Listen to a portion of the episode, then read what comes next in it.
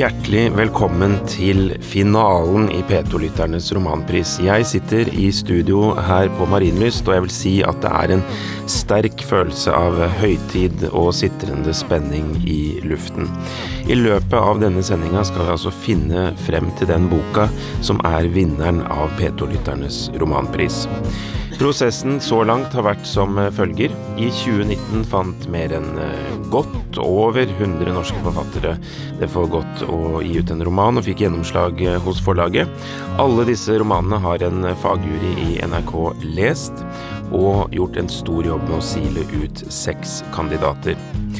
Og disse seks romanene har eh, blitt til tre etter en dramatisk avstemning i går. Det skal vi komme tilbake til, men først så har jeg lyst til å snakke med denne fantastisk fine juryen som sitter her i studio. Det er altså seks personer som kommer fra ulike steder i Norge. Og igjen skal vi bli litt uh, kjent med dere. Uh, og vi begynner med deg, Jonas. Kan du fortelle litt om deg selv? Uh, jeg heter Jonas Otneim. Jeg er 21 år og kommer fra Volda. Og jeg studerer journalistikk med Høgskolen i Volda. da. Og jeg har en samboer og en katt, så jeg er begge veldig glade i. Ja. Og det er, det er, det jeg driver med på tida. Fritida. Da høres jo livet komplett ut, spør du meg. Mm. Ja, jeg heter Ragnhild Jacobsen. Jeg er 49 år og bor på Bøler i Oslo. Jeg er egentlig fra Moss. Eh, jeg jobber som kommunikasjonsrådgiver i NITO, som er en fagforening for ingeniører. Og jeg har eh, en mann og tre gutter som er i ferd med å bli store, så de er på vei ut snart, og da må jeg finne på andre ting å holde på med. Så da kan jeg f.eks. lese flere bøker. Ja. Døyve vemodet med å lese bøker, det er bra. Ja, jeg heter Stein Gramstad, jeg er 64 eh, år, har eh, nettopp gått av med pensjon etter et langt yrkesaktivt liv som pedagogisk-psykologisk rådgiver.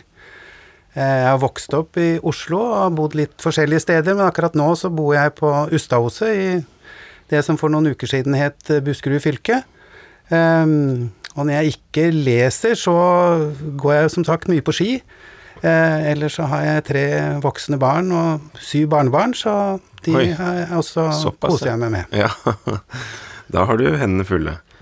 Eh, Siril? Ja, Siril Veiaker Nilsen, 43 år.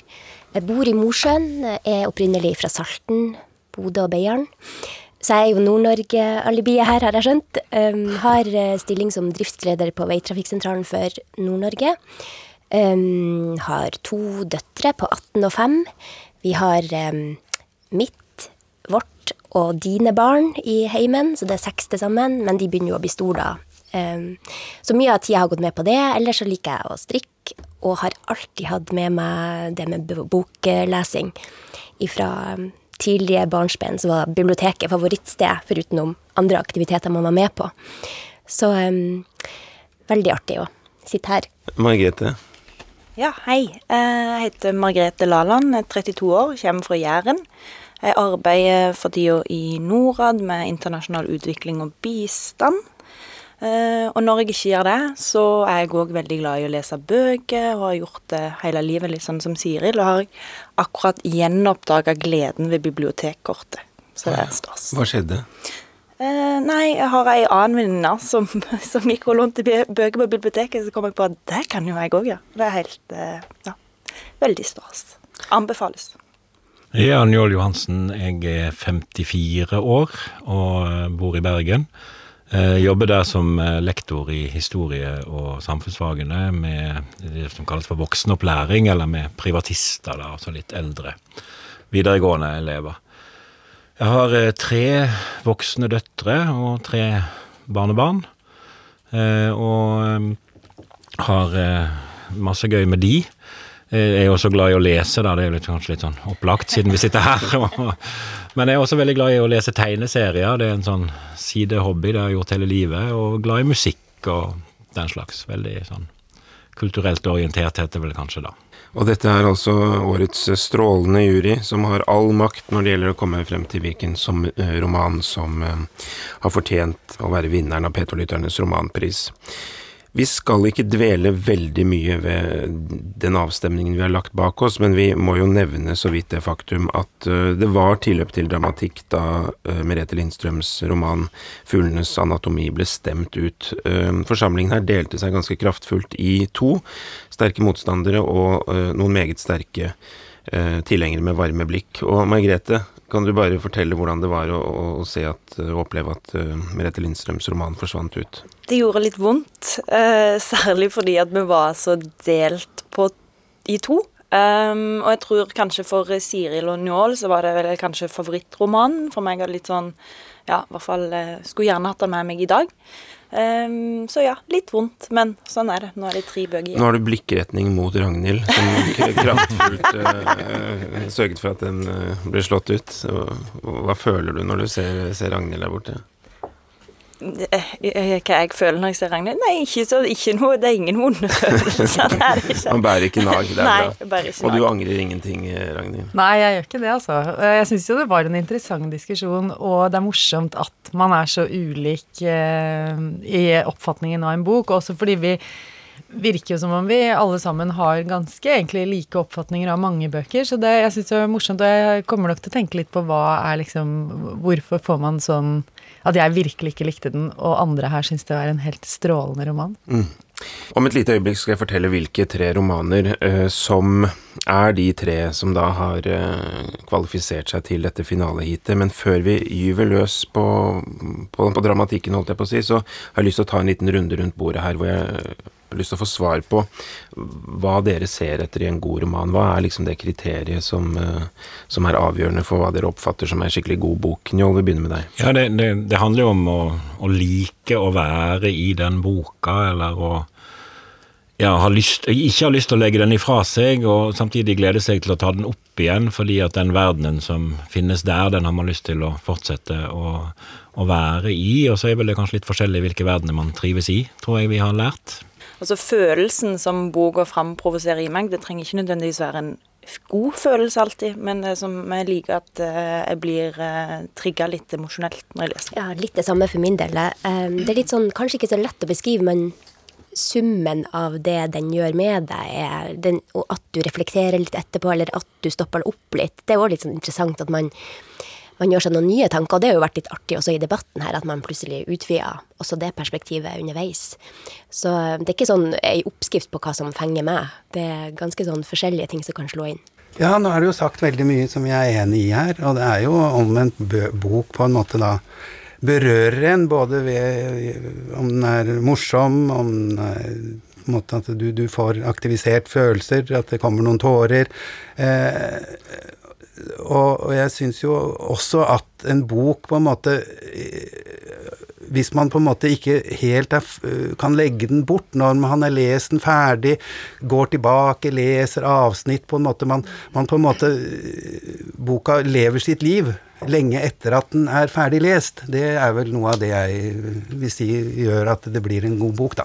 Det er jo særlig den der følelsen du har funnet en bok som du bare, som Njål sa, som du bare vil fortsette, og som tar litt sånn plass til deg. Og det kan jo være alt fra lette underholdningsromaner til mer tyngre eh, stoff. Det viktigste for meg er at uh, det kjensler jeg får der og da. Det har jeg alltid sagt, da, at hvis jeg ler av ei bok der og da, så er det liksom ei kjempebra bok. da, altså Det som får meg til å føle noe.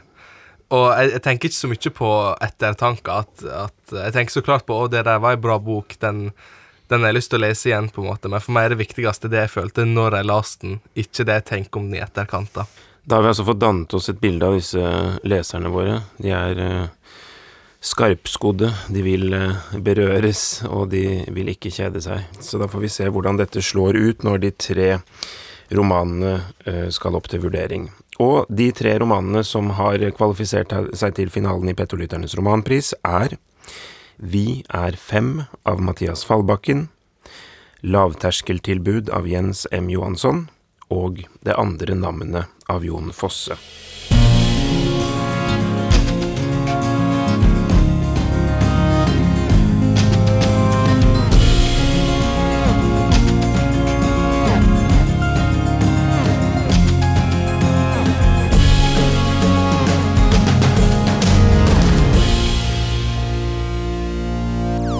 Jeg tenkte vi skulle begynne å diskutere Jens M. Johanssons roman 'Lavterskeltilbud'. Jeg kan fortelle litt om forfatteren eh, først. Jens M. Johansson er født i Stockholm i 1971, men vokste opp i Oslo. Dette er altså informasjon fra forlagets eh, hjemmeside, og der står det også at Johansson debuterte i 2002 med novellesamlingen 'Bisettelsen har funnet sted'.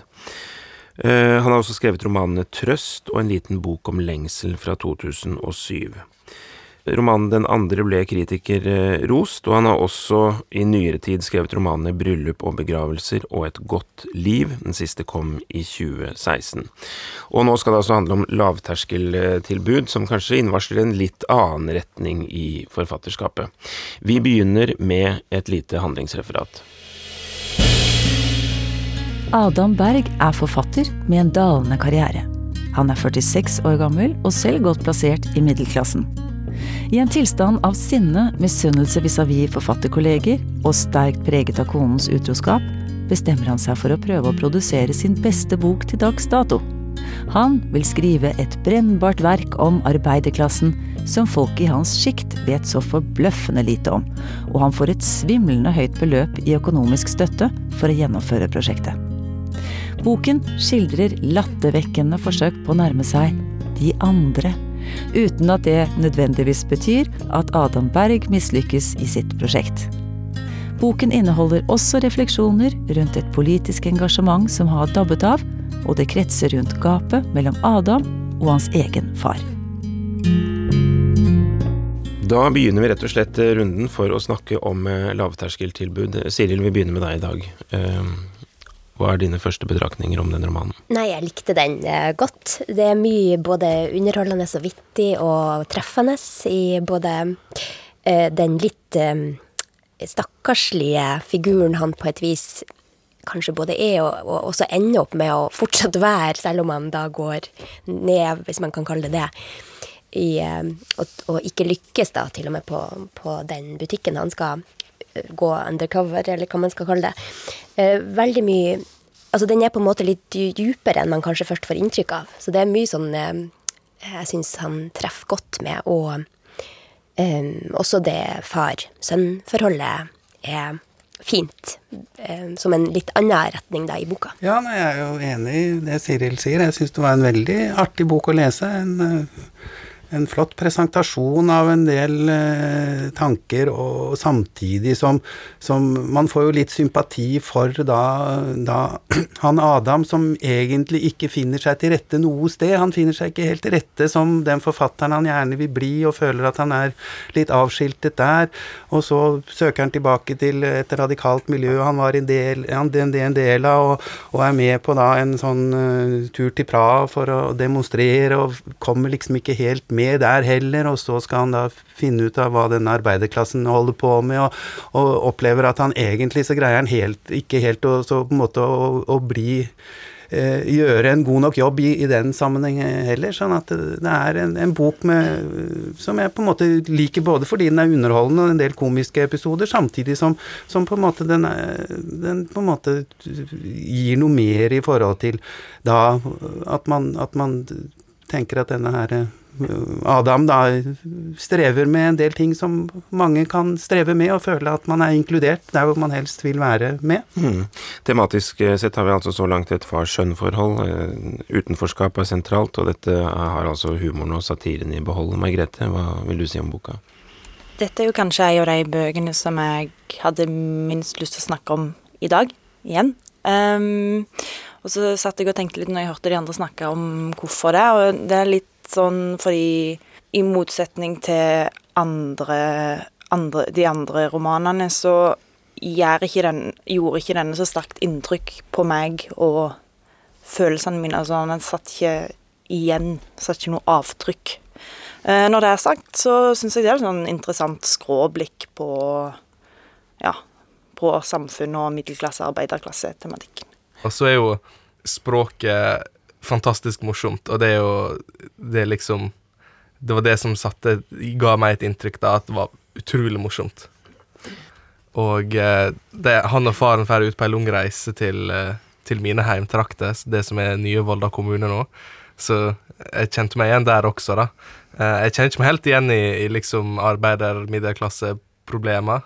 Ikke fordi jeg er overklasse og alt det der, nei, men fordi, jeg- fordi jeg Ja, jeg jeg har kanskje ikke opplevd så mye som denne hovedkarakteren har, da. Men når det gjelder gjenkjennelse, så har vi jo deg, Daniel, eh, som kan hjelpe oss litt med det aspektet ved boka. Det er vel eh, Jeg er jo litt eldre enn Adam, men, men eh, jeg kjenner jo veldig godt igjen dette med, med håper å si det kanskje å savne den litt opprørske ungdommen. Og jeg tror at jeg godt kunne ha vært med på en sånn busstur til Praha for å liksom prøve å gjenopplive noe som en gang var, altså det å gå i demonstrasjonstog. Så der er det stor grad av, av gjenkjennelse. Også dette å stå med én fot i, i hver leir, på en måte, og, og, og um, både i en slags fortid, sånn slektsmessig i arbeiderklassen, og, men samtidig da har fått utdannelse og blitt kulturelt opptatt. Så jeg kjenner igjen veldig mye, men jeg er også litt usikker på om han treffer på prosjektet sitt, eller hva prosjektet er, da.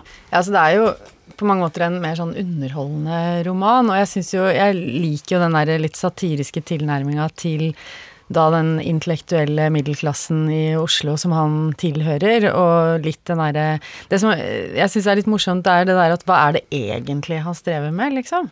Eh, han kan jo bare melde seg inn i et politisk parti, eller han kan engasjere seg i FAU, eller bli med i aksjon for et eller annet. Altså det er fullt av ting å ta tak i der ute, hvis det er det som plager han, liksom.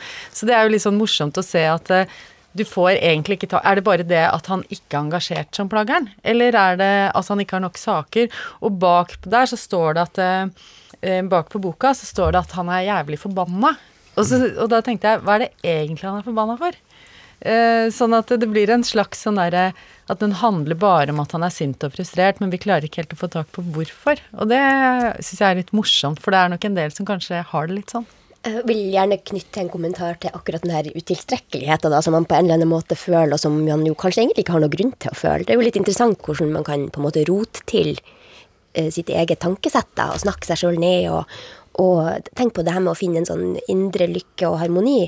Det er jo ikke det heller noe oppskrift på, men jeg tenker at han har jo egentlig eh, oppsøkt det jo nesten litt, eller eh, eh, litt uavhengig av hva han blir utsatt for. Så tenker jeg også det at det viser jo litt hvor vanskelig det er i hver enkelt av oss, det med å lande på et plan i livet der man slår seg til ro med at det her er godt nok, og det her er bra nok, og her skal jeg være. Ja, jeg tenker jo litt sånn at, han, at sint er jo ofte, kan jo være en følelse som på en måte oppstår uten at man egentlig kan sette ord på det. Men, men sinne er vel kanskje da det, det, første skrittet, og så er det vel da hvordan han da kan komme videre fra dette sinnet, som kanskje er litt sånn uspesifisert, selv om det er jo noen konkrete ting han kan være veldig sint på. Blant annet denne her kona som har vært utro med denne her kulturnemesisen. da. Sånn at, men, men at, at, han må komme videre fra dette sinnet til å bli mer konstruktiv og gjøre noe med det som gjør at han da er så sint, da. Og der er jo kanskje bokas prosjekt er vel da at han prøver å, å, å, komme ut av det at han ikke bare skal være sint, men å gjøre noe som gjør at han ikke trenger å være så sint lenger. Men det at hovedpersonen har noen litt sånn irriterende tilbøyeligheter, og at man får lyst til kanskje å si litt sånn ta deg sammen, det kan jo være en styrke ved boka, da? Kanskje at han klarer å, å beskrive en sånn tilstand og en, en sånn type? Eller hva syns du, Margrethe? Noen av de litt sånn tankerekkene som går, det er ikke helt sånn Kanskje en har tenkt noe lignende sjøl, sånn på en litt annen måte. Så absolutt ja. Og bare for, tilbake til det som Jonas sa om språket. altså Jeg var kanskje litt negativ i stad, men at det er jo ei utrolig godt skrevet bok. Uh, og, og, noe av det jeg liker best, er når vi er inni, inni hodet og tankene til Adam Berg. Det er jo litt, uh, synes jeg, artig det her med at uh, stipendpengene som man skulle tro han kunne på en måte slå seg til brystet med, selv om han skal produsere noe, så tenker jeg jo, det minner jo litt om også at man kan gjerne ønske seg en lottogevinst eller et eller annet som skal bli løsninga på, og så er det jo ikke akkurat sånn. Og det tenker jeg jo han er et godt, godt bilde på, for, for utenom da det presset det medfører, så er det jo at han lever litt på en løgn, da, at han ikke fortjener de stipendpengene. Litt sånn kan vi jo tenke oss, i og med at han ikke er helt sånn der at han kanskje har nok innsikt eller nok det som skal til som, til å dokumentere det arbeiderklassen. Han er jo villig til å på en måte avsløre da seg selv, hvis det er en biografisk Eller denne eh, Adam, da, som en ganske sånn litt, egentlig litt ynkelig type, da. Så det, for på alle relasjonene og alle tingene han gjør, så er han egentlig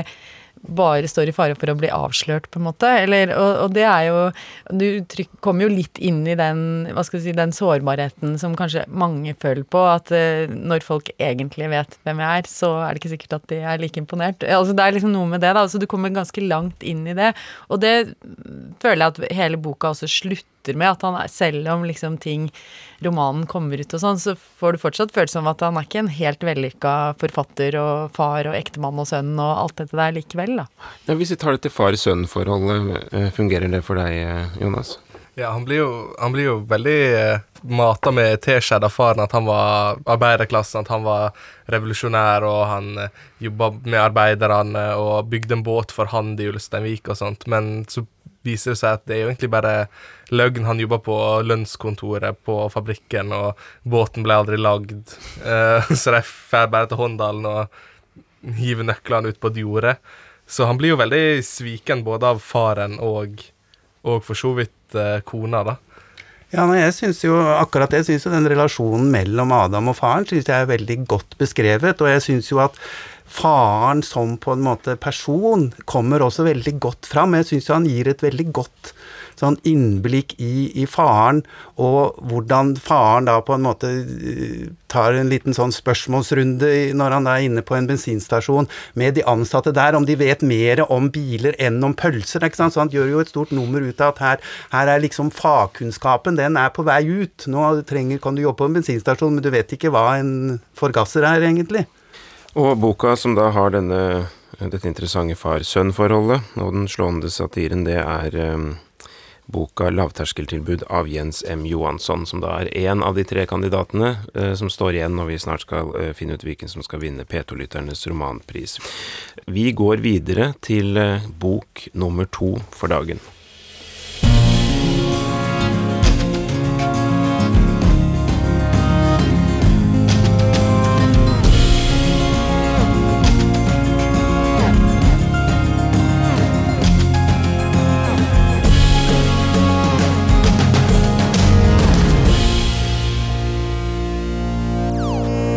Nå skal det altså dreie seg om en roman av forfatteren Jon Fosse. Jon Fosse tør være kjent for de fleste, kan oppsummere kort og si at han debuterte som romanforfatter i 1983 med Raut og svart. Han har uh, skrevet uh, mye tekst og, og publisert i mange ulike sjangre. Og ehm, den boka vi skal snakke om nå, er eh, rett og slett eh, de to første bøkene i en bebudet septologi. Og det verket vi skal snakke om, er altså Det andre navnet av Jon Fosse. Og vi begynner med et lite handlingsreferat. Kunstmaleren Asle bor alene i den fiktive vestlandsbygda Dylja. Hans kontakt med omverdenen begrenser seg stort sett til naboen Åsleik, som er ungkar og fiskebonde. Åsleik og Asle har lite til felles, annet enn skjebnefellesskapet på Dylja. Asle gjør noen kjøreturer inn til Galleri Beyer i Bjørgvin, der han skal ha juleutstilling. I Bjørgvin bor også vennen, som er kunstmaler og heter Asle. Det er altså to parallelle karakterer med mange likheter og vesentlige forskjeller. Asle på Dylja har kuttet alkoholen og konvertert til katolisismen, mens Asle i Bjørgvin er alkoholiker. Romanen er sentrert rundt ett enkelt bilde som Asle har malt av to kryssende streker, og dette er utgangspunktet for hovedpersonens refleksjoner rundt hva som er kunst, og hva som ikke er det. Sentralt er også opplevelsen av fraværet og nærværet som knytter seg til en avdød partner. Ja, Jonas, hva tenkte du da du skulle begynne på denne ganske tjukke boka Jon Fosse med svart omslag, eh, forfatterens navn i hvitt og tittelen 'Det andre navnet' i en slags kobberfarge. Hva slags forventninger hadde du da? Nei, det var Jeg har jo lest litt Jon Fosse før, så jeg visste jo at hva jeg forventa av språklig innhold, men handling, da hadde ikke jeg peiling, da. Så det var, det var, nesten en slags reise, da, og, og, fra jeg fikk boka til jeg var ferdig med den, og uh, Og ja, forventningene de var store, egentlig, fordi det er Jon Fosse. Eh, og om han leverte det, det veit jeg ikke helt. Ja, jeg, jeg, gikk jo til boken med litt sånn kanskje ærefrykt, og jeg visste jo også at det var 500 sider uten punktum. Det hadde jeg fått med meg på, på forhånd. Eh, så jeg var litt sånn Både gleder meg veldig til å lese den, for jeg har lest litt Fosse, men ikke veldig mye. Eh, han er jo en av våre virkelig store forfattere, har jeg nå i hvert fall fått med meg. Og, så jeg gleder meg litt til å lese boken, eh, og det er mye, mye bra i den. Altså, han tar opp veldig mange gode ting, og han er innom veldig sånne sentrale tema i kanskje det å være et menneske. Men disse repetisjonene Jeg er jo for så vidt glad i Fuge og Bach og alt dette, men, men jeg syns det blir Jeg liksom tenker på at det kanskje blir litt mye av det gode. Det blir i overkant eh, repetert, og så er det noen ganger så skjønner jeg hvorfor han gjør det. Andre ganger så er det sånn Jeg blir nå ferdig. Altså, blir nå slutt med dette. Eller jeg har skjønt det nå. ikke sant? Altså, det blir litt sånn eh, Blir litt for mye, og det, det kan til tider gå over i det parodiske, kanskje, for meg, da. Jeg får ikke helt disse stemningsskiftene inn. Og så har jeg lurt på om det er meg som ikke skjønner Jon Fosse, men jeg har kommet til at det er han som ikke skjønner meg. jeg har lest trilogien av Jon Fosse før, eh, og hadde ikke sånn veldig store forventninger. Eh, og jeg syns det var en helt fantastisk opplevelse. Der jeg syns at Jon Fosse gjør på en god måte, er dette her med at han kan gjenta noe som er nokså likt, og så endrer han kanskje tre, fire, fem, sju ord, og så blir stemningen helt endra i det du leser. Og kanskje nettopp dette med at du må følge med og være på, er noe av det som jeg likte godt mens jeg leser. Altså, den krever av deg, og det er litt sånn at man kan kanskje miste litt um, kunne litt kanskje ønska seg litt mer komprimert. Selv om jeg er både inn- og utpust og gjerne gjentar ting, så, så, blir det jo nesten sånn en kunstform. Og veldig sånn malende, bokstavelig talt. Eh, jeg, jeg merka meg jo at jeg kanskje særlig likte da når han gikk litt ut av nettopp de der gjentagelsene, men traff veldig på f.eks. Det, det som er beskrevet i den Huska da, ganske tidlig i boka, og likeens når han er inne på den vandringa langs stranda som, som, de barna gjør, at at jeg, sitter igjen kanskje med noen sånne øyeblikk i boka som, som jeg tar med meg, og, og, mot slutten også blir det jo mer og mer dramatisk, foruten at det er selvfølgelig dramatisk underveis. Men eh, det er en helt eh, en leseopplevelse jeg kommer til å huske. Det er liker mye Jon Fosse, se detaljene i det vesle. Uh, at han kan gå i 7-8-9-10 sider om egg og flesk uh, og lauk, som han sier.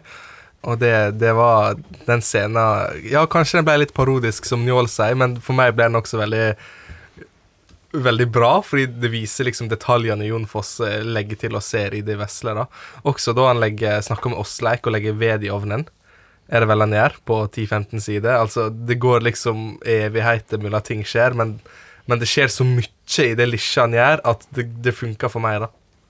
Ja, nei, jeg syns det er på en måte Det er overraskende lettlest, selv om det ikke er noe punktum. Og jeg syns også noe som også er fascinerende, er at det er jo utrolig mange det, øh, detaljer og bagateller han på en måte tar opp, men det blir ikke banalt det blir, Jeg er helt enig med Jonas der, at den derre eh, egg og bacon og Det er på en måte noe som i hvert fall eh, jeg syns eh, gir meg veldig mye. Og jeg syns disse gjentakelsene som til å begynne med er litt uvante. Etter hvert så syns jeg jo at det er Man lengter egentlig etter disse gjentakelsene. De gjør at boka på en måte flyter, og man flyter liksom med den. Så jeg syns det er utrolig fascinerende. Og det er jo gjentagelser både sånn eh, i kort perspektiv, men eh, nå er det jo en som heter Bård, som på en måte drukner. Og han introduseres jo ganske tidlig i boka med noen setninger, og så kommer han igjen, og så kommer han igjen. Så han har jo på en måte noen sånne gjentagelser av handlingsforløpet hvor han introduserer noe, og så vet man at det eh, vil bli fulgt opp etterpå, da. Uh, ja, romanen handler jo om uh, Asle og Asle. Uh, Asle Dulja som er tørrlagt alkoholiker, og Asle Bjørgvin som er alkoholiker. Og ganske tidlig i boka så kjører Asle fra Dulja inn mot Bjørgvin for å eh, ja, eh, handle, rett og slett. For det er litt billigere der enn det på butikken i Dulja. Eh, men på den kjøreturen så skjer dette som Siril eh, så vidt var inne på. Eh, og det er at Asle Dulja kjører bilen til side, og så stopper han ved en legeplass hvor han ser et ungt par, eller tenker tilbake på han sjøl som ung, og kanskje med hans avdøde kone Ales. Og de er på den legeplassen. Og der, når jeg leste det, så hadde jeg en veldig klump i magen. For det, eh, dette unge paret, de disser, jenta sitter på disse, og mannen eh, gir fart. Og dama sier nei, nei, nei, ikke mer fart, ikke mer fart. Og han bare jo, jo, jo, jo. Nei, nei, nei, nei, nei, nei. Og så jo, jo, jo, men du sier nei, men du vil ja.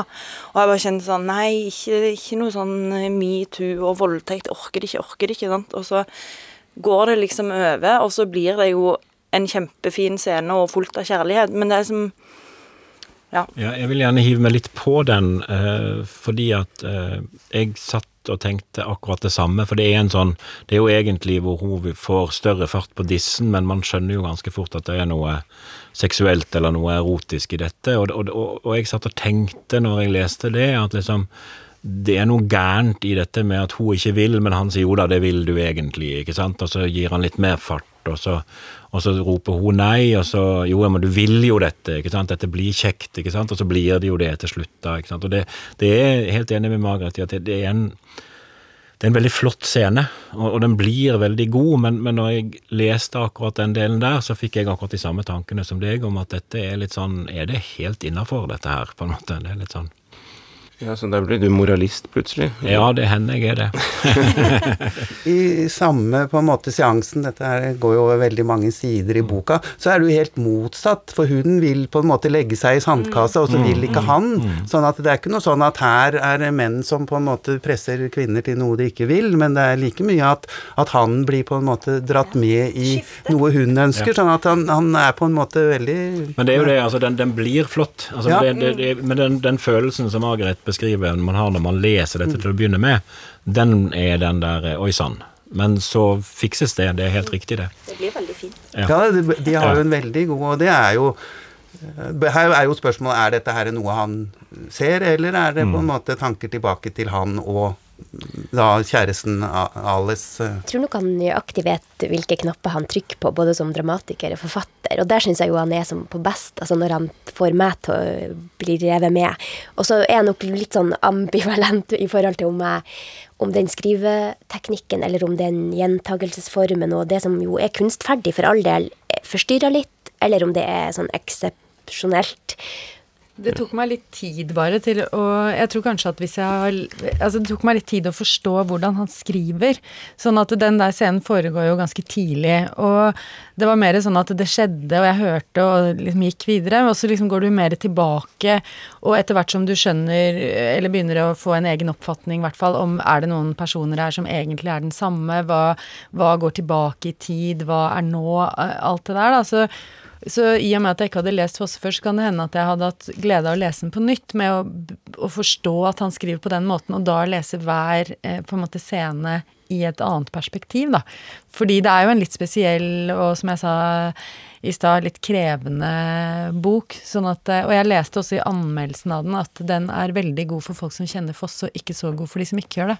Nei, for å bare følge opp det, så er det klart at det er jo eh, mye Fosse-vokabular si, som går igjen eh, i denne boka. Ref tidligere verk. Altså Asle er jo en tidligere karakter. Ales likeså. Vi har hørt om både Bjørgvin og Dylja tidligere.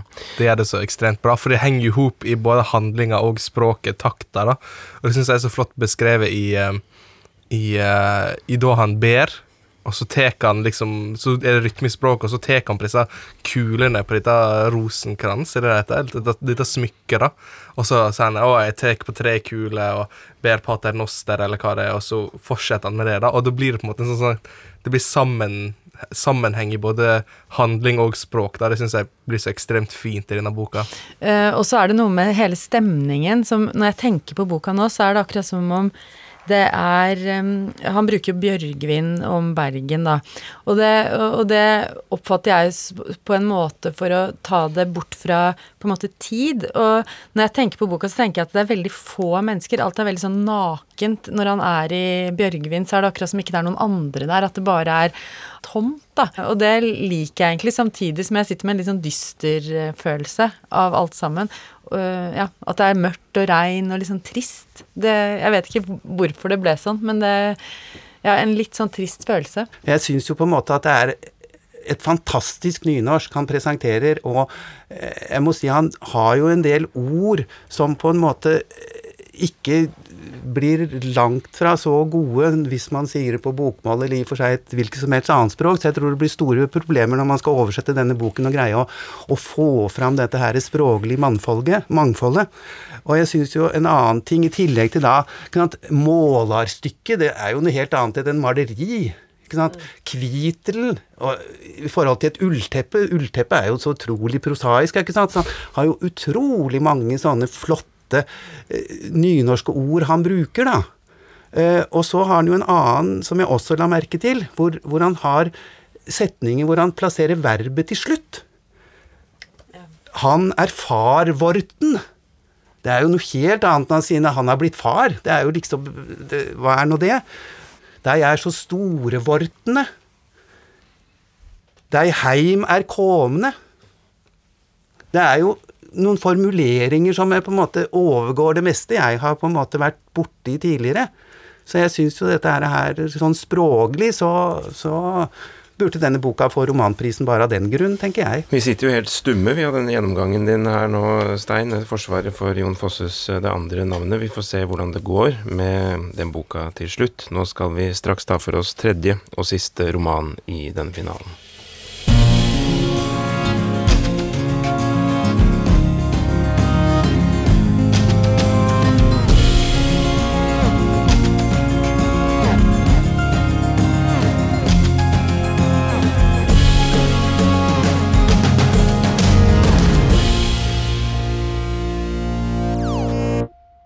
Så langt har vi altså snakket om Jens M. Johanssons roman 'Lavterskeltilbud' og Jon Fosses 'Det andre navnet'.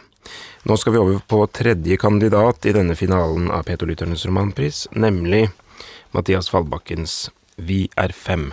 Om Mathias Fallbakken kan vi jo kort opplyse at han er født i 1973. Han er um, en av uh, våre mest uh, kjente både billedkunstnere og forfattere, og har gjort stor lykke med sine to siste romaner, blant annet.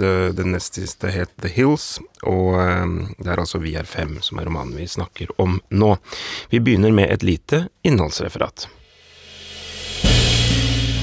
Vi skal til det fiktive småstedet Råsett, et sted på flatbygdene, snaue tre timers kjøring fra hovedstaden.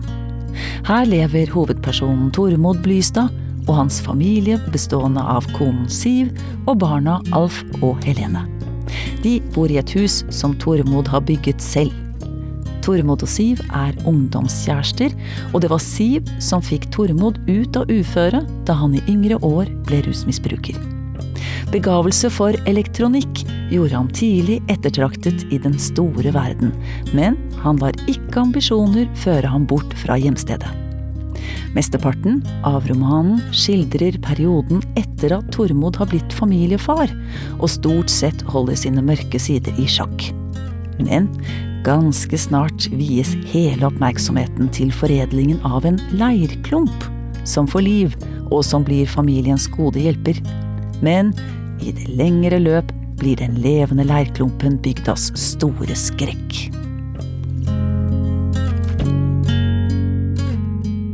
Siril, vi er fem. Eh, hva syns du om den? Jeg syns den er virkelig original, og den klarer jo det kunststykket å være både sprø og nær på en gang. Så det blir jeg imponert over. Det er en fantastisk bok som har veldig mange lag, den, og så henter den på en måte fra eventyr, fra sagalitteratur, og det er også en eh, skildring av et uh, moderne familieliv i en bygd i Norge, og uh, liker også dette horrorelementet som kommer inn i, i denne romanen, uten at det blir Det, det føles helt naturlig, da. Og så tar den jo opp eh, ja, både familieliv og relasjoner, men også noe som jeg syns har vært mest spennende med den, er jo det at jeg leser den som en sånn eh, At det handler om kunstig intelligens da, og, og etikk og knytta til det, og hvordan det, det, vi skaper kan komme litt ut av kontroll. Så jeg syns den er veldig relevant sånn sett. Jeg syns det var en utrolig vittig roman, nesten som en bygdebok. Eh, om menneskets forhold til skaperverket, egentlig. Altså det du har skapt, det kommer til å ta deg til slutt, liksom. Det er jo fantastisk morsomt hvordan han, han eh, klarer å beskrive gjennom språket alle de forskjellige vinklingene man kan se på boka på. da. Det de gjør det til en fantastisk god roman.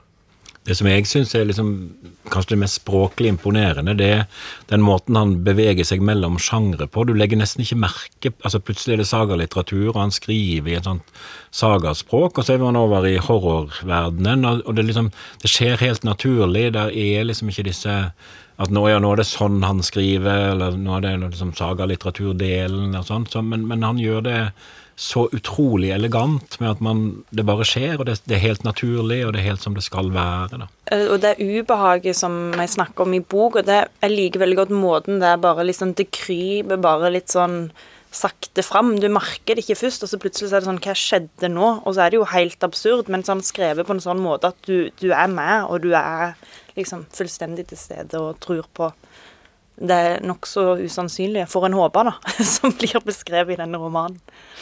Men det er lekent, dette her, da. Forfatteren tar seg friheter, og det er dere godt fornøyd med. Er det tilstrekkelig eh, dybde og, og alvor eh, i denne boka også? Jeg syns jo det. Altså, jeg syns han altså, Og så syns jeg det er så gøy at det er en bok som, som skiller seg på mange måter fra alt det andre. Altså, det, det for det første så er det en relativt normal familie. oppi, altså Det er mor, far og barn, og eh, hun er frisør, og han jobber med sitt. og Det er liksom det er et vanlig liv. Og så er det jo ikke det, og det er jo et poeng, da, at det, det vanlige livet er sjelden eh, vanlige. Sånn sett der er vel et mørke i de fleste, fleste hjem, og det kommer litt fram at her ligger jo noe under. og, og og så har han jo mange sånne referanser, eh, også historisk, ikke sant. Eh, dette med at, at eh, Jeg tenkte jo med en gang at Tormod og Siv er Tor og Siv i norrøn mytologi, og det forsterkes jo egentlig av denne vektlegginga av, av, Siv sitt hår, som også Siv til den norrøne Tor har eh, som sin kraft, da, og det er et poeng som gjøres eh, i denne boka. Og, og jeg, jeg, sitter jo og tror på denne leirklumpen, ikke sant? at det er spennende. Og, og dette elementet med, med, kunstig intelligens det er jo sånn som, ble, som, jeg ikke tenkte på når jeg leste boken, men som helt klart også er en kommentar til vårt samfunn. Mm. Ja, og Apropos det å tro på denne leirklumpen sånn som den utvikler seg, Stein, kan du fortelle litt om det? Både hvordan den utvikler seg, og hvordan du klarer å tro på det? Ja, nei, jeg syns jo som sagt jeg, jeg, jeg, tror helt klart på den utviklingen. Og det er klart her så, så er jo dette her en gradvis utvikling hvor det er på en måte en død leirklump til å begynne med, og så får han etter hvert liv, og så tar jo helt av når han da får utsatt det ligger i wifi-strømmen, og, og, hvor på en måte den begynner å leve sitt eget liv. og og kanskje tar opp i seg noen egenskaper som eh, da skaperne egentlig ikke hadde regna med, at den, at den, blir litt sånn ond og, og, gjør ting som ikke er helt greit, da. Men jeg syns jo det er beskrevet på en veldig troverdig måte man kjøper veldig lett fortellingen, og jeg er jo veldig enig med det som nå sa i forhold til, til disse her språklige eh, virkemidlene, og som sagt, eh, jeg syns det er vanskelig å sette ord på det, jeg syns Njål gjorde det på en bra måte, men av det jeg la merke til, er at fortelleren både forteller, og så plutselig så går fortelleren litt sånn ut og kommenterer sin egen fortelling. Så det, han har noen sånne språklige måter å, å, å gå fram på som jeg syns på en måte gjør at boka blir ekstra bra, da. Jeg tenker jo også at han er fantastisk i en del av de der sekvensene der han um, gir noen stikk da til forholdet mellom Stiv, Siv og Tormod. Og jeg tenker på, jeg fremheva kapittel seks her tidligere, og der på slutten, når han da har, som den oppofrende far han er, og tar seg av han Alf, da, som er forbrent, på veien da med ny isladning inn på det rommet han Alf, sønnen, så så er det at hun Siv hører med hvordan går det med han, og så sender av gårde den meldinga til venninna. Så hun tar liksom inntekt av, eller fortjenesten av at noen følger med han, Alf, men det er jo egentlig han Tormod som gjør det, og det syns jeg er jo veldig sånn utrolig underholdende beskrevet, det her. Late sofalivet der hun, hun, hun og venninna har en en sjargong, og så er det jo egentlig han Torbe, Tormod som jobber livet av seg da, i de her ulike retningene. Og det er utrolig underholdende eh, beskrevet. Um, det er ingen som reagerer på at det er et for negativt kvinneportrett? Nei, egentlig ikke, for du, du, ser det litt uh, Man kjenner seg også dels altså, liksom, Jeg syns ikke han Han går ikke for langt. Jeg syns jo kanskje at det har vært litt sånn uh, vel hyggelig om Tormod rundt bordet her nå. Altså, for det er sånn eh, Vi snakka så vidt om det sist òg, men sant, altså, sånn boka egentlig slutter. Altså ofrer han sin egen datter fordi at hun hadde og ja, ja, du har jo allerede gitt blooper warning. Eh, eh, blir liksom Helene ofra til klumpen fordi at hun har spist en bit, og det må Altså, jeg Ja. Jeg er litt sånn eh, Slutten er litt uforløst, og jeg forstår jo at det er poenget, men eh, ja. Tormod eh, ruser seg òg i romanen. Det er ikke bare en fortidsgreie. Altså, ja. Nei da, den hadde jo jeg litt problemer med å svelge, men på en måte så blir man i det der universet blir man på en måte litt med i. Og det tenker jeg jo, da har han jo oppnådd et eller annet, at man på en måte kan nesten levende forestille seg at det her går an, og det kan det jo på et vis ikke. Så, og det gjelder jo òg det partiet der, at han er på kanten og vel så det av um, Så, men veldig artig å registrere at man er med på det.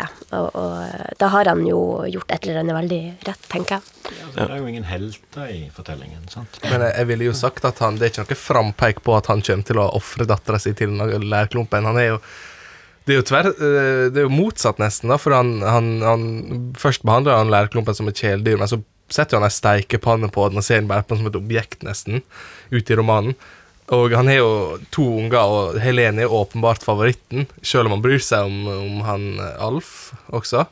Uh, men uh, Så for meg var det helt sånn Jeg måtte lese slutten et par-tre ganger før jeg bare Her gjorde han virkelig det. Pekte han på og lot lærklumpen Ja, vi veit jo ikke helt hva han gjorde, men Men uh, ja. Det, det, så det syns jeg var, det var overraskende, da. Man så det liksom ikke komme. Men Tormod altså en interessant blanding av uh, hel ved og totalt ryggradsløs. Flott forbilde for menn. det er jo det at han, han uh, faller jo litt for fristelser, fordi den klumpen har jo på en måte begynt først. Og så kommer det en e-post med noe eh, fra han eh, Er det Espen han heter? Som liksom vi, 'Jeg har noe greier til deg'. Det er jo litt sånn som det er i narkoverden, vil jeg tro.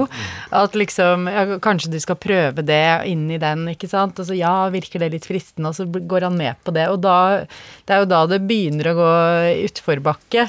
Ikke sant? Og så ruser de seg den helgen og sånn. Så det er jo også en parallell til akkurat det, at den klumpen får jo tilført noe som til å begynne med er gøy, som kanskje noen som har rusopplevelser har, og så er det ikke gøy etter hvert. Men jeg tenker jo, at Det er jo interessant med det bandet til han Snusken, for det er klart det er jo veldig sånn hvem Altså det hun vel vi tror gjorde med hunden deres, at hun eh, ikke klarte Hun ville ikke at de skulle ha hund lenger, Siv. Og det er jo også et sånt element som blir veldig sånn eh, drøyt, da. At det var det hun endte med å gjøre og han hadde jo da et sånn ønske om at de skulle være fem, eh, og da ble det, det erstatninga ble den leirklumpen.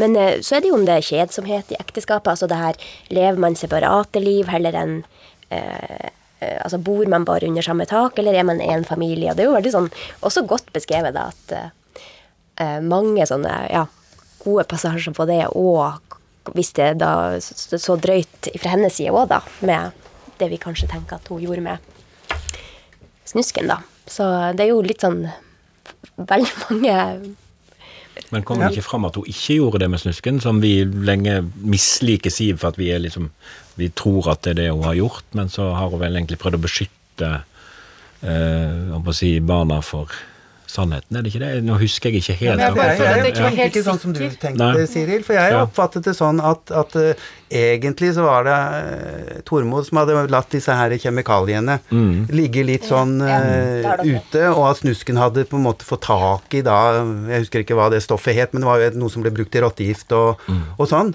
Sånn at det var egentlig et uhell. Men, men det kan jo hende at Siv har lagt litt til rette, og at jo, altså, egentlig Tormod ja. skulle få skylda for det. Fordi men, han hadde på en måte latt Men Tormod mistenker, eller tenker vel det jeg tenkte, at det er Siv som har drept denne hunden for at hun likte ikke hunden. Mm. Eh, når han da finner eh, dette liket av hunden i, i jorda. Ja. Eh, etter å ha sagt at den har stukket av eller at den har rømt og de har gått på jakt og sånn, men hun gjør jo det egentlig for å beskytte barna og kanskje også Tormod. da. Så det er egentlig et slags helteportrett av denne litt eh, kvapsete dama på, på sofaen, egentlig. er her, som uh, griper korrigerende inn i tilværelsen når det, når det, Når det trengs. trengs. Og som mistenkes for det ene og det andre, men som er den positive kraften. Helt med hår og forfall uten. Da har vi altså snakket om eh, den tredje romanen, Mathias Fallbakkens 'Vi er fem'. Og da er det rett og slett sånn at vi nærmer oss den avgjørende avstemningen.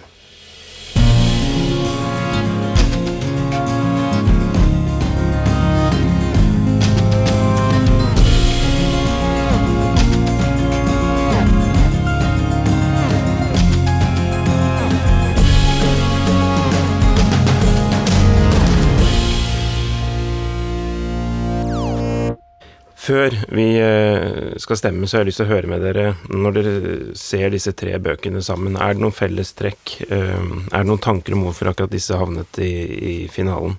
En liten runde rundt eh, bordet, Stein. Ja, nei, det er jo tre gode bøker, og de er jo alle skrevet av menn her, da. Sånn at jeg vet ikke om kvinnene kvitta vi oss med i går, så, så om det ligger noe der. Men det er jo tre veldig forskjellige bøker.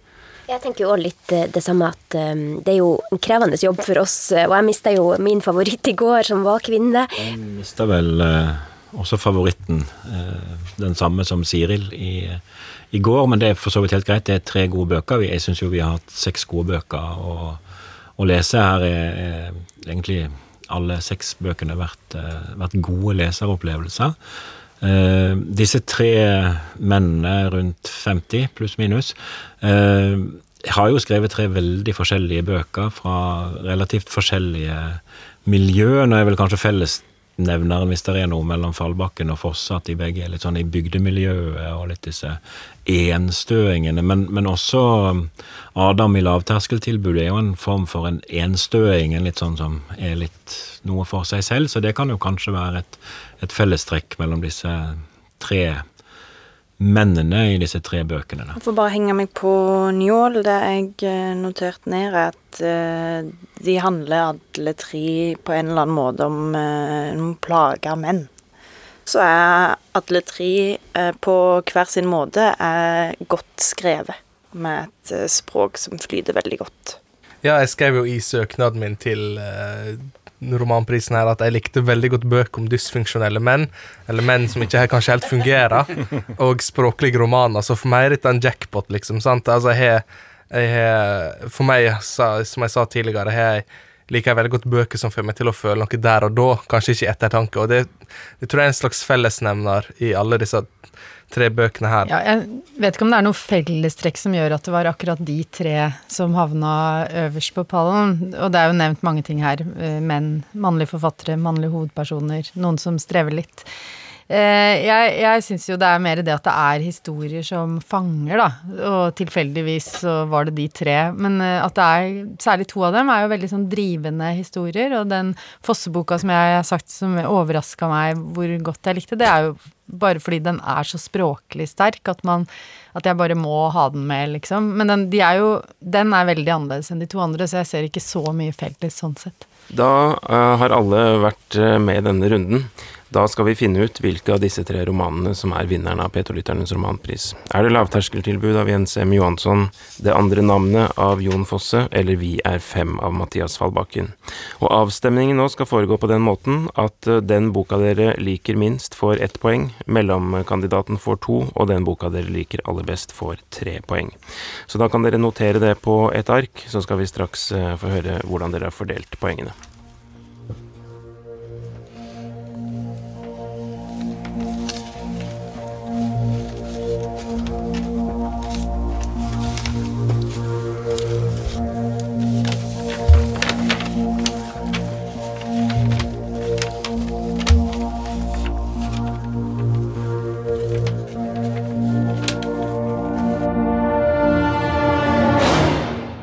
Vi begynner med deg, Jonas. Hvilken bok har fått ett poeng?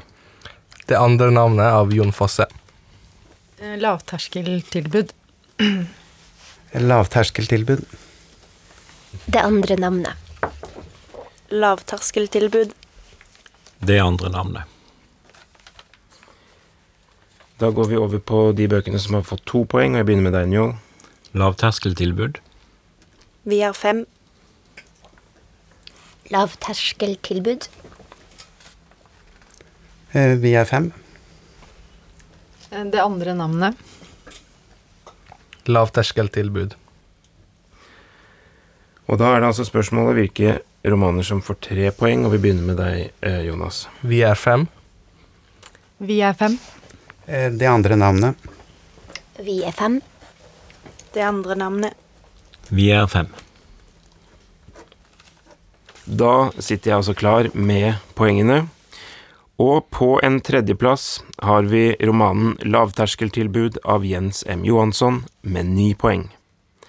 På andreplass romanen 'Det andre navnet' av Jon Fosse med elleve poeng.